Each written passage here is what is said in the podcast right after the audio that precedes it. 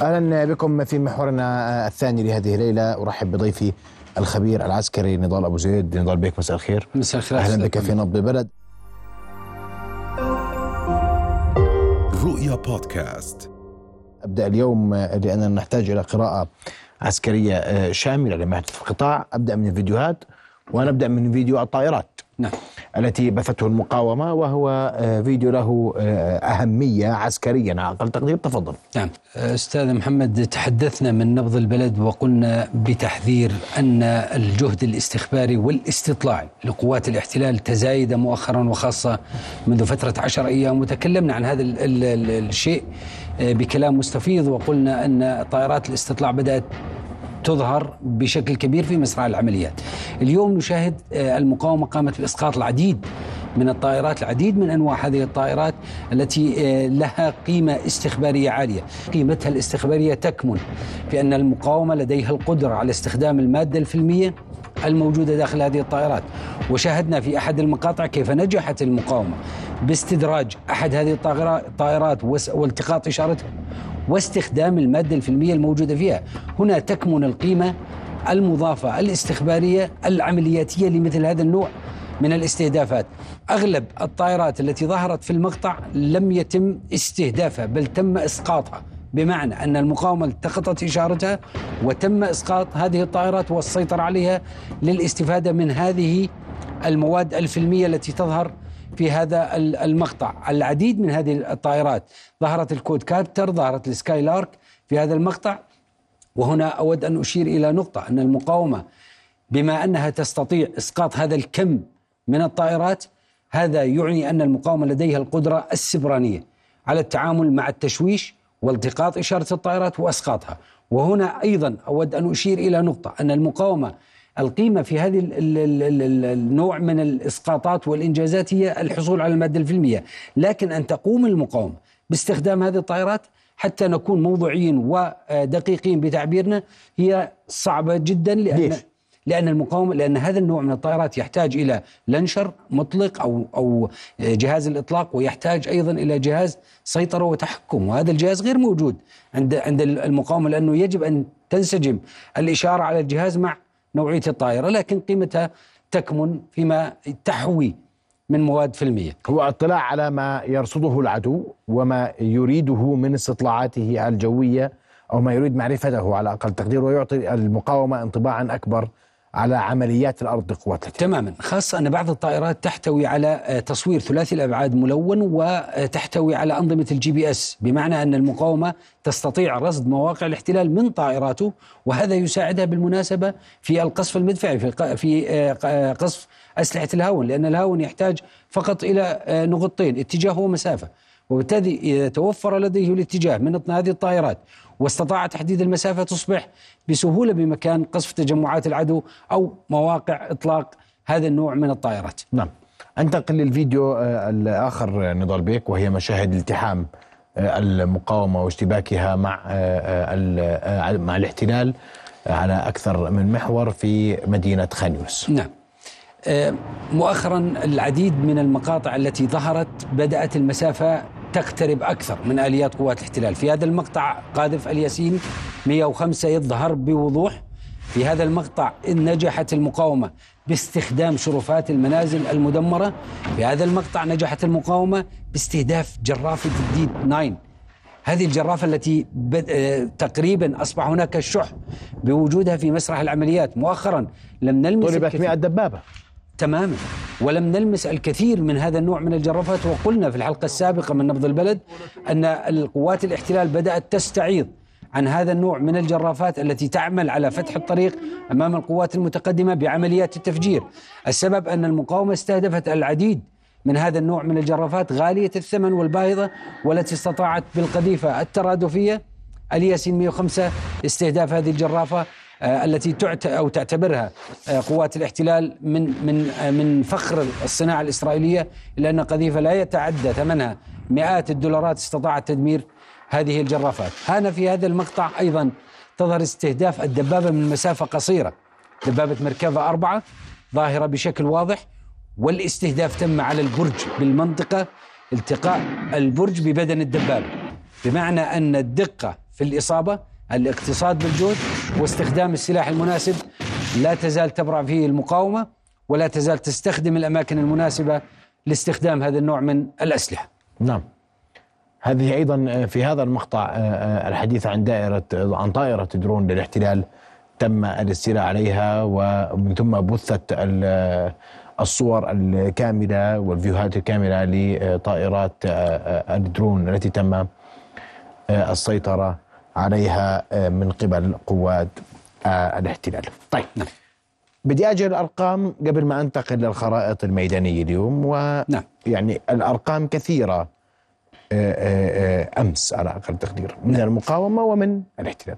نعم أستاذ محمد هناك ثلاث نقاط ملفتة في الأرقام النقطة الأولى أن المقاومة أعلنت عن 47 بين قتيل وجريح لقوات الاحتلال في في مناطق القتال سواء في الشمال أو الوسط أو الجنوب.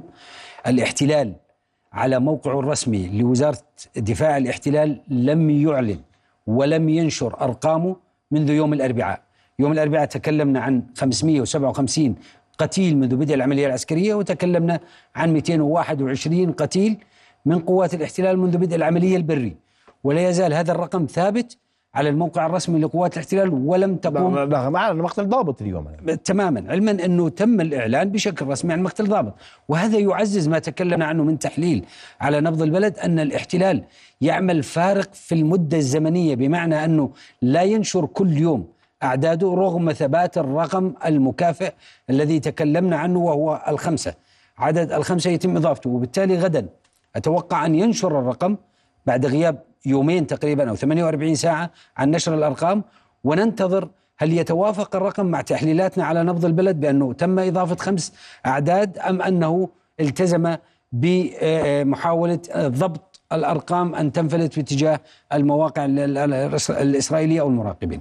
النقطة الأخرى الملفتة أيضا في الأرقام أن حديث كثير تم على مواقع التواصل وعلى المواقع الإسرائيلية وبالتحديد معاريف أشارت إلى نقطة جديرة بالاهتمام حول القتلى والمصابين من قوات الاحتلال من نيران صديقة.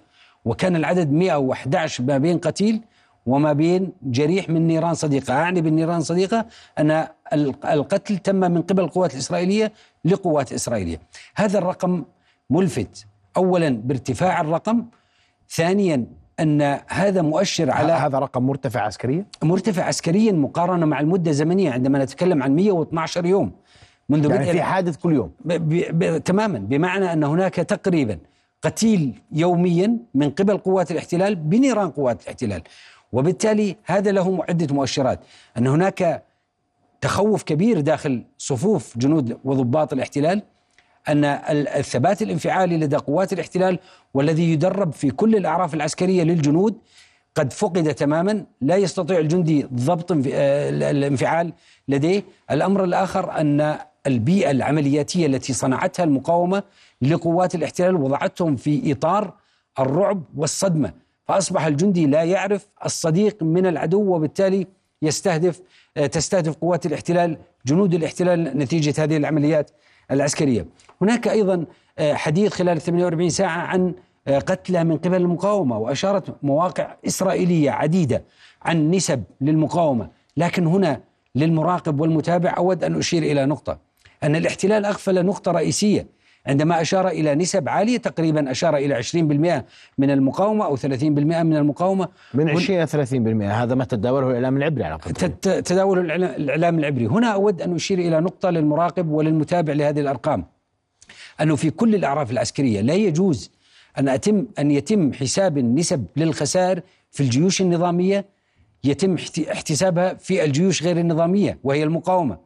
المقاومة وضعها يختلف، بالتالي مقاومة تقاتل في في بيئة عمليات مختلفة في طبيعة عمليات مختلفة في تكتيكات مختلفة لها حسابات أخرى، أما أن نقوم بحساب النسب للقوات النظامية بنفس حساب القوات غير النظامية وهي المقاومة، أعتقد أن الأرقام التي صدرت عن قوات الاحتلال غير دقيقة ولا يمكن البناء علي عليها كعامل. وفي حدا بيعرف قديش عدد مقاتلي القسام اليوم؟ سؤال بس عشان تمام يعني بعض المواقع الإسرائيلية أشارت إلى أرقام تتراوح بين العشرين ألف والثلاثين ألف لكن أنا أعتقد أن هذه الأرقام غير دقيقة وحتى نكون واقعيين لأن المقاومة نفسها لم تعلن عن أرقام والتقديرات الاستخبارية لم تشير حتى المؤشرات الموجودة على الأرض لم تدل على أرقام يمكن الاستناد عليها بتقييمات نسب يمكن احتساب مدى الكفاءة القتالية للمقاومة وبالتالي أعتقد أن الأرقام التي تم إعلان عليها من قبل مواقع الاحتلال لا يمكن البناء عليها وقد تعتبر. هذه أرقام تضليلية يراد منها فقط بروباغندا إعلامية يمكن الاستناد عليها أن الاحتلال حقق أهداف أو إنجازات على الأرض. وأنا بدي أجيك في ذات الإطار بس حتى إذا إذا إذا خطرت في بال الناس تكون عليها إجابة. نعم. تحدثت عن أرقام القتلى في صفوف الاحتلال. نعم. جنوده.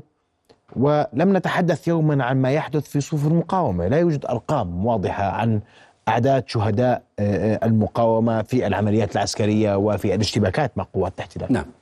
أستاذ محمد بكل موضوعية بعد 100 أو 12 يوم من القتال من المنطق أن نقول أن المقاومة تعرضت إلى ضربات وليست إلى خسائر. وقلناها أكثر من مرة من نبض البلد رغم هذه الضربات التي تعرض لها المقاومة أمام الماكنة ال- ال- الماكنة العسكرية الإسرائيلية والطيران الإسرائيلي إلا أن النقطة الرئيسية التي يتم البناء عليها في هل تستطيع المقاومة الاستمرار أو لا هي نقطة القيادة والسيطرة.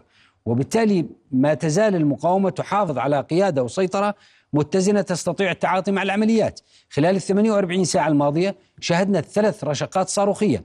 رشقتين صاروخيات تم من يوم الجمعة بالتوازي تقريبا بفارق ساعة ورشقة صاروخية صباح اليوم. كل هذه الرشقات كانت باتجاه غلاف قطاع غزة وبالتالي ما دامت المقاومة قادرة على التعاطي مع الرشقات الصاروخية وتهديد غلاف قطاع غزة. وهذه الرشقات الصاروخية لها قيمة بأن المقاومة قادرة على التعاطي والتماشي مع العمليات العسكرية. الأمر الآخر أن المقاومة لديها القدرة على القيادة والسيطرة لأن هذه الرشقة الصاروخية تحتاج إلى أمر بإصدار الرشقة الصاروخية تحتاج إلى مجموعة لتجهيز الرشقة الصاروخية وتحتاج إلى مجموعة لإطلاق الرشقة الصاروخية. هذه السلسلة من القرار العسكري تعطي مؤشر أن القيادة والسيطرة قادرة على إصدار الأوامر والتعاطي مع مسرح العمليات في قطاع غزة. خلال ال 48 ساعة الماضية كان هناك آه، أمر ملفت أن العملية العسكرية تجسدت في ثلاث أبعاد رئيسية البعد التكتيكي البعد الإعلامي والبعد الاستراتيجي. إذا ما ذهبنا إلى البعد التكتيكي. نشاهد أن مسرح العمليات انقسم إلى ثلاث مناطق رئيسية الشمال والوسط والجنوب. في المنطقة الشمالية نجحت المقاومة. نروح الخرائط معلش بعد إذنك آه، آه، حتى نكون تمام. أوضح. إذا ما ذهبنا إلى الخارطة مباشرة نجد أن منطقة العمليات وكه- كما هو ظاهر على الخارطة هي ثلاث مناطق رئيسية. المنطقة الشمالية والتي تقاتل فيها الفرقة المدرعة 162 من قوات الاحتلال. المنطقة الوسطى يقاتل فيها وكما هو ظاهر على الخارطة باللون الأصفر. يقاتل فيها الفرقة المشاة 99 والمنطقة الجنوبية وبالتحديد قلب المنطقة وهو خان يونس وتقاتل فيها فرقة المظليين 98 نعم. الآن هذا البعد التكتيكي الذي أتكلم عنه. في المنطقة الشمالية لا تزال المقاومة تحتفظ ببؤر وبمواقع جيوب للمقاومة تستطيع مشاغلة الفرقة المدرعة 162 162 في المنطقة في شمال شمال القطاع. شمال قطاع غزة. في المنطقة الوسطى تستطيع المقاومة أيضا التعاطي على محور جحر الديك المغازي أنصيرات مع قوات الاحتلال وإشغال الفرقة مشاة 99 في المنطقة الجنوبية الم... فرقة المظليين 98 مشتبكة بشكل مباشر مع قوات الاحتلال. إذا هذا الشكل منذ منذ 49 يوم. منذ 49 يوم. هذا الشكل من المناورة فرضته المقاومة ولم يفرضه قوات الاحتلال لأن المقاومة تريد هذا الشكل من المناورة حيث تشغل قوات الاحتلال في الشمال تشغل قوات الاحتلال في الوسط وتحتفظ بالاشتباك مع قوات الاحتلال في الجنوب. لأنها لا تريد لقوات الاحتلال أن تستخدم قواتها في الشمال أو في الوسط هي الفرقة المدرعة 62 فرقة المشاة 99 لتعزيز فرقة المظليين 98 في الجنوب. هذا الأمر أو هذا الشكل من المناورة يوحي أن المقاومة تحترف العمل التكتيكي على الأرض وتحترف القتال في المناطق المبنية بشكل جيد وهذا ما تريد المقاومة من شكل للمناورة. نعم. الآن في المنطقة الشمالية في البعد الإعلامي نذهب إلى البعد الإعلامي الذي تحقق منذ 48 ساعة. نجحت المقاومة بإرسال رسالة من خلال المقطع الذي بثته لثلاث أسيرات. نعم. واحدة من هذه الأسيرات هي مجندة. هنا عندما تقوم مجندة مدربة على الأسر وعلى كيفية التعاطي مع الأسر ببث الرسالة بالنمط الإعلامي الذي والخطاب الإعلامي الذي شاهدناه. هذا يوحي أن المقاومة تتعاطى بشكل جيد مع البعد الإعلامي. إذا ما أخذنا بعين الاعتبار أيضا أن المقطع أشارت له واحد واحدة من الأسيرات أننا في الأسر منذ 107 أيام. أي أن التسجيل تم قبل خمس أيام من الآن. بمعنى أن التسجيل تم بالتساوي. ب- في نفس الوقت الذي رفضت فيه عدد كبير من المجندات الإسرائيليات الذهاب للقتال في قطاع غزة وبالتحديد من كتيبة تعرف بكتيبة هشومير وهي كتيبة الحارس. أرادوا آه، إرسالهم إلى قطاع غزة ورفضت هذه الأسيرات وبالتالي بث المقطع. المجندات. المجندات عفوا. بث مقطع الأسيرات بالتوازي مع هذا الرفض من قبل المجن المجندات وهو في اليوم 107 من العملية العسكرية. بنفس اليوم الذي بث فيه مقطع الأسيرات وهذا بعد إعلامي ضغط على الشارع الإسرائيلي. اليوم أيضا تم قبل لحظات من الآن صدور رسالة وجهتها المقاومة إلى الشارع الإسرائيلي قالت أن حكومتكم تكذب عليكم وأنكم ستشاهدون جميع أسراكم قتلى إذا استمر القصف الجوي. بعدها بلحظات شاهدنا وتم بث العديد من المقاطع من قلب تل أبيب وقلب بئر السبع. الآلاف خرجوا إلى الشوارع يطالبون بإسقاط حكومة نتنياهو وبالتالي هذا الإبداع في البعد الإعلامي الذي يظهر من قبل المقاومة يعزز فكرة أن المقاومة تتعاطى مع الشارع الإسرائيلي برسائل محددة وبإشارات محددة في البعد الاستراتيجي الذي ظهر خلال ال 48 ساعة والذي يتجسد فيما صدر من المحكمة ال- ال- محكمة العدل الدولية وهذا أعتبره في, رغم كل ما قيل عن المحكمة ورغم عدم صدور القرار الذي كان الكل يتأمل أن يصدر من قبل المحكمة إلا أن هذا إنجاز للمقاومة. نجحت المقاومة بتجسيد وتحقيق أحد أهدافها الاستراتيجية من 7 أكتوبر والذي كان إعادة القضية الفلسطينية إلى واجهة الأحداث. وقد عادت القضية الفلسطينية إلى واجهة الأحداث من باب المحكمة الدولية هذه المرة وهذا إنجاز للمقاومة. يعتبر إنجاز قد تحقق المقاومة وننتظر من الآن إلى يوم الأربعاء ماذا سينظر وماذا سيخرج مجلس الأمن بقرارات تتعلق بهذا الإنجاز الاستراتيجي هذا فيما يتعلق بشكل العمليات خلال ال 48 ساعة الماضية نذهب مباشرة إلى خارطة الشكل العام للعملية العسكرية نعم. والذي تظهر مناطق السيطرة تظهر مناطق التوغل لقوات الاحتلال ومناطق الاشتباك وكما هو ظاهر على الخارطة مباشرة في المنطقة الشمالية لا تزال مناطق آه، جبالية حي التفاح منطقة آه، اشتباكات رئيسية بين المقاومة وقوات الاحتلال رغم إعلان وزير الدفاع الإسرائيلي السيطرة على هذه المنطقة. وهنا أود أن ألفت الانتباه إلى أن آه، صدر العديد من التقارير الإعلامية أن المقاومة بدأت تقدم الخدمات المدنية في شمال قطاع غزة. وهناك معلومات تتحدث وعلى لسان سي إن إن ظهرت هذه المعلومات أن عناصر من الشرطة المحلية للحكومه المحلية في غزة بدأت تنتشر أيضا في مناطق آه، انسحبت منها قوات الاحتلال في شمال قطاع غزة بمعنى أن المقاومة ليس فقط تعيد بناء نفسها عسكريا أيضا يبدو أنها خططت بشكل متقن لليوم التالي ما بعد العمليات العسكرية أكثر أو في حين أن الاحتلال فشل في تحقيق أو تخطيط اليوم التالي للعملية العسكرية. نعم. إذا ما ذهبنا إلى منطقة الوسط ونرى باللون الأزرق منطقة الاشتباكات الرئيسية كما هو ظاهر على الخارطه وهي هذه بالتحديد مناطق آه، النصيرات، مناطق المغازي ومناطق البريج وباللون الأحمر هناك مناطق توغل لقوات الاحتلال جنوب آه، منطقة البريج وجنوب المغازي لكن لغاية الآن لم تنجح قوات الاحتلال في الوصول إلى هدفها من القتال على المحور الأوسط وهو الوصول إلى طريق الرشيد وفصل الشمال عن الجنوب لا تزال تقاتل في حدود غلاف غزة في منطقة المغازي والتي لا تبعد أكثر من واحد كيلومتر عن حدود غلاف غزة. إذا ما ذهبنا إلى الجنوب مباشرة ونرى اللون الأزرق بكثافة في المنطقة الجنوبية والتي تظهر القتال في مناطق خان يونس، هذه المناطق كلها مناطق اشتباكات حسب ما تظهر على الخارطة ولم يظهر اللون الأحمر بكثافة في المنطقة الجنوبية والذي يشير إلى توغلات. بمعنى أن قوات الاحتلال رغم كل إعلاناتها عن توغل من المنطقة الغربية لخان يونس باتجاه قلب مدينة خان يونس هذه الم... هذه الإعلانات لم تكن صحيحة من قبل قوات الاحتلال. كل المؤشرات على الأرض تشير وتدل على أن الاحتلال لا يزال يقاتل في حدود مجمع ناصر الطبي في حدود مجمع الأمل وبالتالي هو لا يزال منذ يوم الأربعاء تقريبا أو من يوم الخميس تقريبا في المنطقة الغربية من خان يونس ولم يحقق أي إنجاز بالتوغل إلى قلب خان يونس حقق أهداف وحيدة وهي الضغط على المدنيين وزيادة القصف على المدنيين بالمدفعية وليس بالطيران لأن ظروف الطقس لم تساعده على استخدام الطيران خلال الفترة السابقة.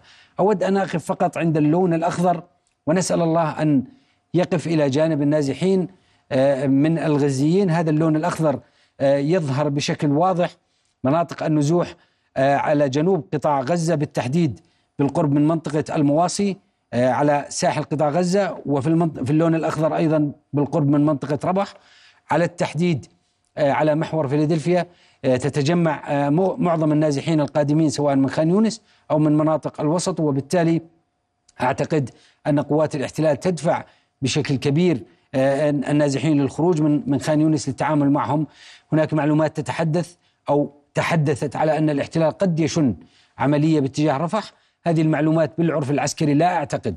صحتها لأسباب كثيرة. أبرزها أن الاحتلال لا يستطيع أن يقاتل في رفح وخان يونس لم يتم السيطرة عليها. أن الاحتلال لا يستطيع أن يقاتل بالقرب من محور فيلادلفيا الذي قد يزعج الجانب المصري الذي لا يوافق لغاية الآن على أي عملية عسكرية وبالتالي هذه تندرج في إطار سلسلة أو مسلسل البروباغندا الإسرائيلية كما تحدث عن إغراق الأنفاق وكما تحدث عن مجمع الشفاء والآن آه، مجمع ناصر وهو آه، ومحور فيلادلفيا والآن يتحدث عن عملية قد يشنها باتجاه رفح ولا أعتقد أن هذه قد تتم خلال على الأقل خلال الأيام القليلة القادمة. أنت تعتقد أن كل التصريحات من قبل قوات الاحتلال أو إعلام الاحتلال بأن هناك نية للتوجه نحو مدينة رفح هي مجرد عسكريا هذا أمر لا يمكن أن يتم. لا, لا يمكن لا يمكن. اليوم على الأقل تقدير نعم. عشان على, على, على الأقل خلال اليوم والأيام القليلة القادمة إذا لم ينجح بالسيطرة على خان يونس لا يستطيع الذهاب باتجاه عملية جديدة باتجاه رفح. لا يستطيع أن يلتف على هذه الاشتباكات وأن يتوجه نحو رفح؟ لا يملك ترف القوات لديه حتى يتجه باتجاه محور جديد أو عملية جديدة. هو يسحب الآن في قواته والقوات المتوفرة لديه كما ظهر على خرائطنا. هي ثلاث فرق فقط تقاتل الآن في آه يزوج فرقة جديدة ما المشكلة؟ لا يستطيع فرقة جديدة ليش؟ لا يستطيع الزج بفرق. من أين من وين بده يجيب فرق جديدة؟ والفرق الموجودة لديه تقاتل في آه، غزة والفرق التي سحبها هي مهشمة عسكريا. تحتاج على الأقل من شهرين إلى ثلاث شهور ليتم إعادة بنائها. والفرق الأخرى غير المشتبكة وغير المهشمة إما مشتبك في الشمال أو مشتبك في مناطق الضفة الغربية. وبالتالي هو لا يملك ترف القوات حتى يقوم بفتح محور جديد.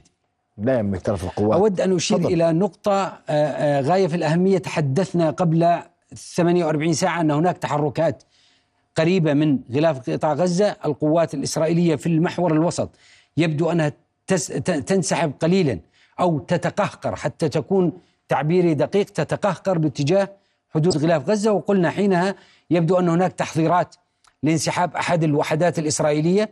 أعتقد أن هناك تحضيرات جديدة أيضا ظهرت اليوم لوحدات تتقهقر باتجاه معبر إيرس على الشمال من قطاع غزة. هذه المؤشرات تدعم تقييماتنا وتحليلاتنا من نبض البلد أننا قد نشهد خلال اليومين القادمين انسحاب لوحدات إسرائيلية والوحدات المرشحة للانسحاب إما وحدات من من من الهندسة والتي تعرضت لخسائر كبيرة أو أعتقد أن آه، لواء يفتح الذي يقاتل في منطقة الوسط والذي تعرض لخسائر كبيرة والذي قتل قائد هذا اللواء في 13 12 وأشير إليه وأعلن الاحتلال آه، رسميا مقتله. وبالتالي يبدو أن هناك تحركات لانسحابات وإن تمت هذه الانسحابات خلال آه، غدا أو بعد غدا أعتقد أن ذلك يتطابق مع ما نتحدث به من نبض البلد أن المدة الزمنية التي وضعت من قبل الاحتلال الاحتلال تتراوح بين عشر أيام يزيد أو ينقص لسحب وحدات من من قوات آه، الاحتلال. نعم. أشكرك كل الشكر الخبير العسكري نضال بك أبو زيد على وجودك معنا ليلة شكرا جزيلا لك. كل الشكر رؤيا بودكاست.